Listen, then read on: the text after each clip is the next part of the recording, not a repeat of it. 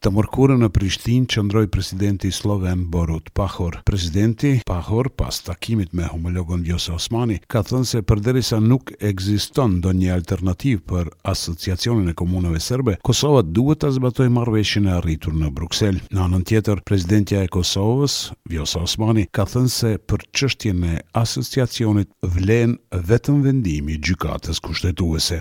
Kosova ka zbatuar nëntëdhjetë e nëntë për qind të obligimeve të saj dhe ekziston një që nuk e ka zbatuar, që është marrëveshja për Asociacionin, që presidenti Pahor me të drejtë tha që kjo është një prej çështjeve shumë të pakta në të cilat ne nuk jemi dakord për një arsye shumë fundamentale, sepse ajo marrëveshje bie ndesh me rendin kushtetues të Republikës së Kosovës. Pas presidentit slloven, sot në Kosovë qëndruan të dërguarit e kancelarit të Gjermanisë, Olaf Scholz e presidentit të Francës, Emmanuel Macron, të cilët u takuan me kryeministrin Albin Kurti. Gjermani Jens Plotner e francezi Emmanuel Bonnet, që të dy këshilltarë për politikë të jashtme dhe siguri, e shoqëruan emisarin e BE-së për dialogun Miroslav Lajçak. Ani pse u ftuan për ta përcjellë ngjarjen, telashe me zyrtarët në ekzekutiv u doli gazetarëve. Nga ta u kërkua të largoheshin nga oborri i qeverisë. E detaje të takimit që zgjati mbi dy orë nuk pati shumë. Për këtë Lajçak dha një arsyetim.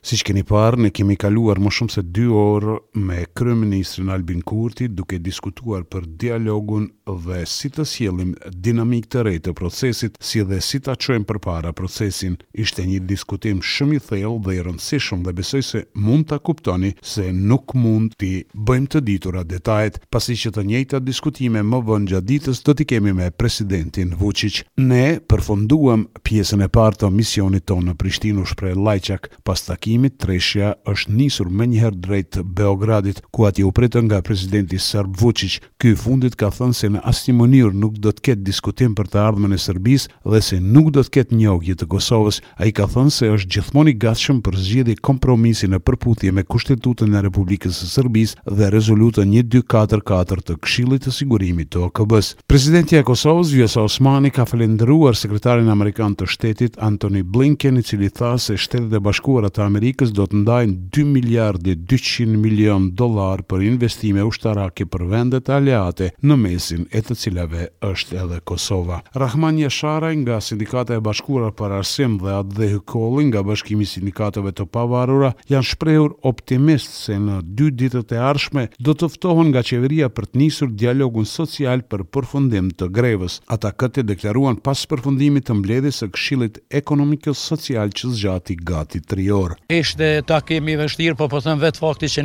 ky Këshilli Ekonomik nuk është takuar tani e katër muaj, kanë mbet tema që janë grumbulluar dhe kishte edhe tema të tjera jashtë kërkesave tona, odat të vetat. Të tjerët, qeveria i tha se ka bërë shumë gjëra, kërkesa jonë që ata të ulen gjatë shtunës dhe dielës. Kryetari i BSPK-së, Atdhe Hykolli, ka kërkuar që të ketë edhe një takim tjetër. Ai ka konfirmuar se ka sinjale nga të dy anët që mund të ecin përpara. Përpjekjet janë të dyanshme, po shpresoj se shumë shpejt ne do të dalim me lajme pozitive edhe do të vazhdojmë punën. Kemi sinjale nga të dy anët që mund të ecin përpara. Kryesia e LDK-së ka diskutuar për zhvillimet në vend, duke përfshirë situatën politike, rritjen e çmimeve, krizën energjetike e gjendjen në sektorin e arsimit dhe atë publik. Kryetari i LDK-së, Lumir Abdixhiku, duke folur për grevën në arsim, tha se kërkesat e mësimdhënësve janë plotësisht legjitime. Biseduam për grevën në arsim edhe njëherë ritheksuam qëndrimin tonë politik se ne besojmë që kërkesat e mësimdhënësve tanë janë plotësisht legjitime.